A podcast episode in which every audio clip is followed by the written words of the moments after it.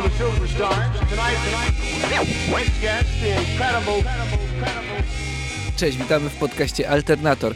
Ten podcast trochę się zawiesił po dwóch odcinkach. Przyznajemy sobie tutaj szczerze, redakcyjnie, że trochę się zawiesiliśmy w tym temacie, ale się nie poddajemy. Powracamy z regularnymi próbami tego, żeby dostarczać Wam wywiady z Alternatora co poniedziałek na Spotify i na różnych innych platformach podcastowych. Czasem zdarzają się propozycje, na które od razu trzeba odpowiedzieć tak. Tak było z wywiadem z Maciejem Cieślakiem. Pewnego poranka obudziła mnie wiadomość, hej, chcesz pogadać z Maćkiem Cieślakiem? Trzeba mu tylko przenieść jakiś sprzęt od inżyniera w żaku do samochodu, więc się zgodziłem i tak powstała rozmowa z Maciejem Cieślakiem z zespołu Ścianka. Maciej Cieślak e, od jakiegoś czasu trochę milczy wydawniczo i spotkanie z nim było takie owiane tajemnicą. Byłem bardzo ciekawy, co się właściwie dzieje u niego, czy Ścianka powróci, czy nie powróci i ta rozmowa trochę przyniosła odpowiedzi na to pytania. Ta rozmowa też trochę umiejscawia ten koncert, który niedawno się zdarzył e, w Gdańsku Ścianki w jakiś odpowiedni kontekst. Ten kontekst trochę zaginął, tak mam wrażenie, patrząc na różne reakcje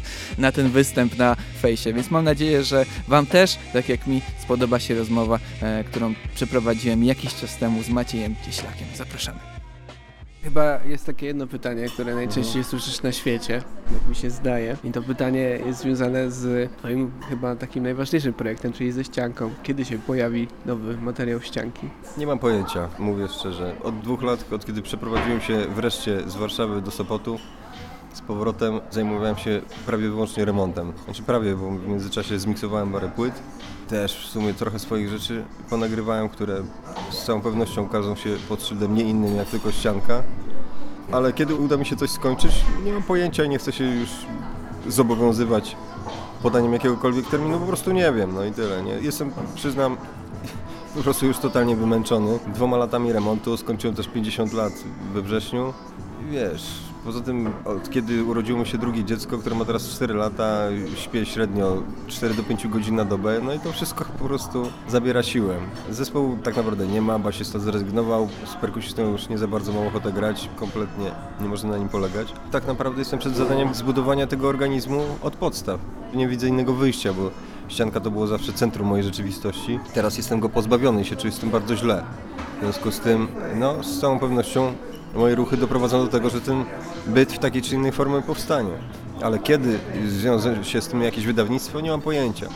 W latach 90., kiedy startowaliśmy, porządek mediów był zupełnie inny niż jest teraz. Wtedy bez płyty to zespołu nie było po prostu, ale wtedy nie było internetu praktycznie. Prasa była papierowa. Teraz w zasadzie wszystko się przeniosło do internetu i do form wirtualnych tak naprawdę. Płyta może funkcjonować bez fizycznego nośnika, i w takiej formie lepiej sobie radzi i częściej bywa słuchana. W związku z tym, jaki jest sens tak naprawdę wydawania płyt. Dlatego jakiś czas temu sobie pomyślałem, że sensem dzisiaj jest wydanie nie tylko winyla, Kompakt w ogóle wychodzi z użycia w samochodach produkowanych współcześnie, nie ma odtwarzaczy CD. No więc winyl, ok, to jest taka już bardzo tradycyjna i konkretna forma, a oprócz tego, no tam nie wiem, jakieś wave mp czy coś. Kiedyś sobie myślałem, że o, tak właśnie trzeba teraz robić, ale okazuje się, że to w Polsce jednak jest inaczej niż na zachodnim w każdym razie świecie, gdzie kompakty wychodzą z użycia zupełnie. W Polsce kompakty, sprzedaż kompaktu w przeciwieństwie do zachodu wzrosła w ciągu tam minionych lat. No więc niby tak, no i tak dalej, ale to w zasadzie obchodzę naokoło temat, kiedy wydać płytę, po co wydać płytę.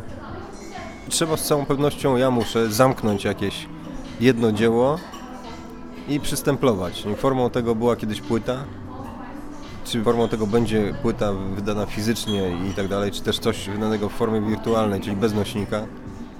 Nie mam pojęcia, po prostu muszę przede wszystkim coś zapiąć do końca, tego nie udało mi się zrobić, nie wiem, już chyba od 10 lat, może trochę mniej. Nie no, powiedzmy od 6, bo jeszcze wydaliśmy nic zwyciężonego. Szczerze mówiąc, czuję jakąś klątwę po prostu, która nade mną ciąży, że nie mogę nic skończyć. Tak jak kiedyś mi się udawało, że fakt, że to było niesamowitym samozaparciem, wysiłkiem i przeciwko różnym przeciwnościom losu i kolegów robione, może to jest to po prostu, że od kiedy urodziło mi się dzieci, już siłę mam rozdzieloną i nie cała idzie w zespół, albo przedsięwzięcia artystyczne. No tak to wygląda. No. no w każdym razie baza już została stworzona wreszcie. Przenosiny z tej nieszczęsnej Warszawy, której nikomu nie polecam, zostały wykonane. Mam studio wreszcie we własnym miejscu, czyli w takim miejscu, w którym było 20 lat temu, czyli na ulicy Mickiewicza w Sopocie. Mieszkam piętro wyżej, czyli na parterze. No więc jakby wszelkie środki są. Trochę mi brakuje ludzi właśnie, muszę sobie zmontować jakiś skład. To nie jest też łatwe. Zbudowanie fajnego zespołu, dobrej konfiguracji ludzkiej, gdzie mieszają się wiesz, talenty, predyspozycje i osobowości. Każdy jest inny, każdy dąży trochę gdzie indziej, musi być jakiś wspólny mianownik. Zbudowanie takiego aparatu, gdzie wszystkim dokądś tam jest z grubsza po drodze, naprawdę jest trudne. Nie? I takich dobrych zespołów, dobrze dobranych, pod względem takiej konfiguracji jest bardzo niewiele tak naprawdę. Nie? Mam tego świadomość, dlatego no, tym trudniej jest mi podejść nawet do budowania, bo mam świadomość, że 80% energii, którą włożę w to, żeby zbudować znowu tak naprawdę jakiś mechanizm ludzki, który działa, no to będzie taka, nie wiem jak to się nazywa, no, straty energetyczne, żarówki, która oprócz tego, że świeci, to wydziela ileś tam pewnie 60% albo i więcej ciepła, to tak samo to. Będę musiał wydatkować dużo więcej energii, niż potem będzie to odczuwalne w rezultacie. No jak mówiłem, siły mam małe, jestem stary. No i tyle, ale z całą pewnością się nie poddaję. Czy jesteś przywiązany jakoś do swojego starego materiału, który kiedyś miał się ukazać na tej nowej płycie ścianki? Bo ja pamiętam na przykład, jak kiedyś poszedłem na wasz koncert i usłyszałem utwór Satellites, no i ten utwór, no nie wiem, czy kiedykolwiek będzie wydany, bo po drodze był niezwyciężony, teraz są inne plotki, że coś innego będzie robiła ścianka. Jak wygląda teraz twój pomysł na tą płytę? Czy właśnie użyjesz tego materiału, zrobisz coś od nowa? Znaczy tak, jeżeli chodzi o utwór, o którym mówiłeś, miał się ukazać na płycie Come November. No, z dwa razy się odbiłem od miksów tej płyty. Po raz pierwszy dlatego, że po prostu nie zdążyłem na premierę, a za chwilę już byłem umówiony na nagrywanie jakichś innych ludzi, no i trudno. Potem tam parę razy podchodziłem, za każdym razem porażka, w końcu przestałem w ogóle podchodzić i stwierdziłem, że okej, okay, wyjmę te taśmy, bo ten materiał cały jest, trzeba go tylko jeszcze raz zmiksować. Znaczy zmiksować raz do końca, a się porwałem na dwupłytowy album, 20 numerów miksu analogowego, podczas kiedy nagrywaliśmy to w tydzień chyba albo w 5 dni. Nie wszystko jest zagrane tak, jak bym chciał, ale większość jest z jajami zrobiona, więc może być. Powiedziałem, że nie będę tego ruszał, dopóki studio nie będzie funkcjonować, wszystko w nim nie będzie naprawione. Monitorów nie będę miał wbudowanych w ścianę, tak jak powinny być, już mam i tak dalej, więc jakby ta płyta na mnie czeka po prostu, nie? Nie chciałbym się kolejny raz od niej odbić. Z całą pewnością to zostanie wydane, bo to jest po prostu świetny materiał, nie?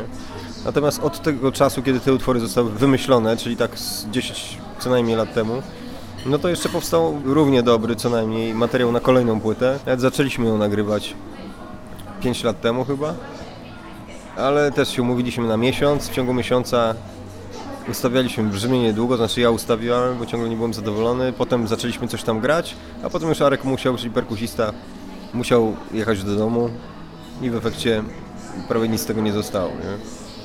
Ten materiał też trzeba nagrać i wydać. I oprócz tego jeszcze trzeba nagrać numery sprzed pierwszej płyty w ogóle, które też są ekstra, nigdzie nawet nie są zarejestrowane, ale ja wszystkie dokładnie pamiętam. To wszystko będzie zrobione. Natomiast ostatnio fajna eksperymentalna rzecz się wydarzyła z dwa lata temu. Zagrałem koncert też jako ścianka w trio, ale zupełnie eksperymentalny, sypanie piasku na piezoelektryki i tego rodzaju rzeczy. Bardzo dobra rzecz.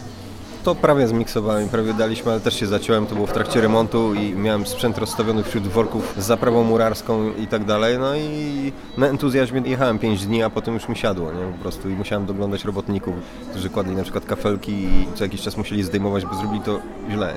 No i po prostu, nie? Stwierdziłem, dobra, remont, skończy się remont, dojdę do siebie i zacznę coś robić. No i właśnie remont się prawie skończył, że tak powiem, ale już warunki mam na tyle ogarnięte, studyjne, że rzeczywiście mogę sobie rozstawić sprzęt i w ogóle coś zacząć kleić, nie? Co ciekawe, półtora roku temu w czerwcu mi przyszedł ekstra w ogóle taneczny numer do głowy i go w zasadzie nagrałem prawie całego, ale kropki na D nie postawiłem tradycyjnie niestety, ponieważ ostatnio z kolei stwierdziłem, że spróbuję nagrać kontynuację płyty Secret Sister, takiej jazzowej i to niestety po prostu też mnie nie satysfakcjonowało. Olewam na razie ten jazz i skupię się na razie na tym utworze tanecznym i wokół niego spróbuję taki mini skład zbudować i przynajmniej jeden koncert wreszcie zagrać pod własnym szyldem, bo tego mi strasznie brakuje. No tak to wygląda. Natomiast płyty, no to tak jak mówię, materiału prostu tyle, że ja wiesz, mogę siedzieć 3 lata w studiu non-stop i to nagrywać i miksować. Nie? I mam zamiar to zrobić co więcej. Własny szyld to jest ścianka czy Maciej Cieślak? Nie, mój szyld to jest ścianka, tyle, nie? To jest zespół, wiesz, w którym zacząłem się wypowiadać jakoś sensownie. Wszystkie inne składy pod różnymi tam innymi szyldami były robione tylko dlatego, że w ściance był problem zazwyczaj z perkusistą, który po prostu znikał i się nie pojawiał. Albo, wiesz, tak grał po prostu, że to się do niczego nie nadawało. Dlatego zakładałem inne formacje typu Cieśl, jak księżniczki albo pytykyc. Ale tak naprawdę najchętniej bym wszystko realizował pod tym jednym szyldem. Bezsensowne jest po prostu dla mnie rozdrabianie się wiesz, na jakieś inne rzeczy. A i tak naprawdę w tych wszystkich projektach to była gdzieś tam moja jakaś emanacja nieważne kto w tym brał udział. Także spokojnie to wszystko się może nazywać ścianka i tak będę robić w przyszłości. No i tyle. Pomijając w ogóle wbrew pozorom, ale jednak istotny element jakby budowy siły symbolu, nie? To się nazywa tam z grubsza biorąc marketing. Zauważyłem, że jeżeli grałem cokolwiek pod szyldem ścianka, to mieliśmy zawsze pełne kluby i ludzie się nie mieścili. A jak robiłem jeszcze fajniejsze rzeczy, ale na przykład pod innym szyldem, to przychodziło pięć osób. No więc wiesz, no, rachunek jest prosty. A potrzebujesz właściwie ludzi do projektu ścianka, bo całe tło, jakie mi opisałeś, to według mnie najwygodniej byłoby zrobić wszystko samemu po prostu. Czy potrzebujesz ludzi do ścianki? No jasne, że potrzebuję ludzi do wspólnego grania. Dlatego, że granie samemu jest mega smutne po prostu. Poza tym co, nie gram na perkusji na tyle dobrze, żeby sobie zagrać. Na pozostałych instrumentach owszem. Ale przede wszystkim to, kiedy utwory powstają z pomysłu pierwotnego, który ma swoją moc, w interakcji z innymi ludźmi się rozwijają i pojawiają się rzeczy, które pojedynczej osobie nie przyszłyby do głowy, czyli powstaje taka synergia zespołowa, to jest właśnie sens grania w zespole i współtworzenia muzyki. To jest coś, co mega daje radość i satysfakcję, czyli to, że się w tym procesie twórczym z kimś razem uczestniczysz i się z nim tym dzielisz, nie? I współodczuwasz z innymi osobami. To jest fajne w graniu w zespole. A ostateczny rezultat, czy to zrobi jedna osoba, czy więcej, niby dla słuchacza nie ma rezultatu, ale myślę, że i tak jest odczuwalna bo jest zupełnie inna temperatura przekazu, kiedy współtworzy to w czasie rzeczywistym kilka osób, a inna jest temperatura, kiedy ktoś siedzi, wiesz, w ciemnej kawalerce i sam to klei po prostu. To się czuje potem, no i tyle. Właśnie, jak jest ta sytuacja zespołowa, to jesteś człowiekiem, który przynosi najwięcej materiału, czy ten materiał właśnie pojawia się przez te interakcje? Zazwyczaj to ja, że tak powiem, inicjowałem, to znaczy przychodziłem z jakimiś tam pomysłami albo je wymyślałem właśnie podczas wspólnego grania. Padałem na jakieś pomysły, ale szczególnie w składzie tym ostatnim, który niestety się rozleciał, po prostu wychwytywałem różne rzeczy z tego, co na przykład Michał Biela grał. Motyw na przykład, który zagrał od niechcenia gdzieś tam po przyjściu na próbę, bo sobie pieco skręcił i on nie zapominał, a ja go zapamiętywałem właśnie i na przykład braliśmy ten motyw i na nim budowaliśmy coś tam. Nie? Tak to wyglądało. Natomiast większość utworów była taka, że przynajmniej na zasadniczy pomysł wpadałem, czułem go i wiedziałem, co on ma oznaczać i jaką ma emocję generować. I sobie próbowaliśmy to na różne sposoby. Taneczna ścianka to ścianka w stylu, nie wiem, disco? Jak brzmi ten taneczny utwór? No, Mam ci zaśpiewać? No taneczny dlatego, że tam jest perkusja, która gra tak jak perkusja w Abbie mniej więcej, nie? No i tyle, po prostu przyszedł mi do głowy motyw, który wiedziałem, że musi być na jakimś klawiszach takich typu Arp Odyssey. Wtedy to było półtora roku temu, wiesz, byłem w środku remontu, w środku walki z budowlańcami i tak dalej. I ciągle zdołowany tym, że studio nie jest gotowe. Poszedłem do sklepu coś kupić i kiedy wracałem, taka była bardzo jakaś taka pochmurna, czerwcowa pogoda, taka przedburzowa. I przyszedł mi do głowy motyw muzyczny, a od przynajmniej roku nic mi do głowy nie przychodziło, no więc od razu go gdzieś tam zarejestrowałem, no i następnego dnia już go pociągnąłem dalej. Sobie na komputerze po prostu pierwszą część numeru skleiłem, potem dograłem gitarę i tak dalej, no i tyle. Cały numer trwa 20 minut i opiera się na po prostu zapętlonym bicie, takim właśnie jak ABBA, czyli nie? Coś takiego. Jest po prostu ekstra. Jakiś czas temu po grupach facebookowych różnych ktoś zaczął postować, że grupa Ścianka robi oficjalną próbę Secret Sister 2. Czy to się zdarzyło? To moja żona oczywiście przed szereg jak zwykle wyszła i coś tam nakręciła i puściła, nie? No tak jak mówię, zrobiliśmy nagrania jedną sesję we wrześniu, w mojej urodziny 9 się zaczęła, trwa 4 dni, bo tyle koledzy mieli czasu dla mnie. Przesłuchałem materiał, był do dupy po prostu, nie? Dwa tygodnie później Zrobiliśmy następne podejście do nagrania i było niewiele lepiej. Głównie ze względu na niestety perkusistę. Wymiękłem po prostu i na razie sobie z tym daję spokój, a szkoda, bo super materiał. Ale mam pewien pomysł na to.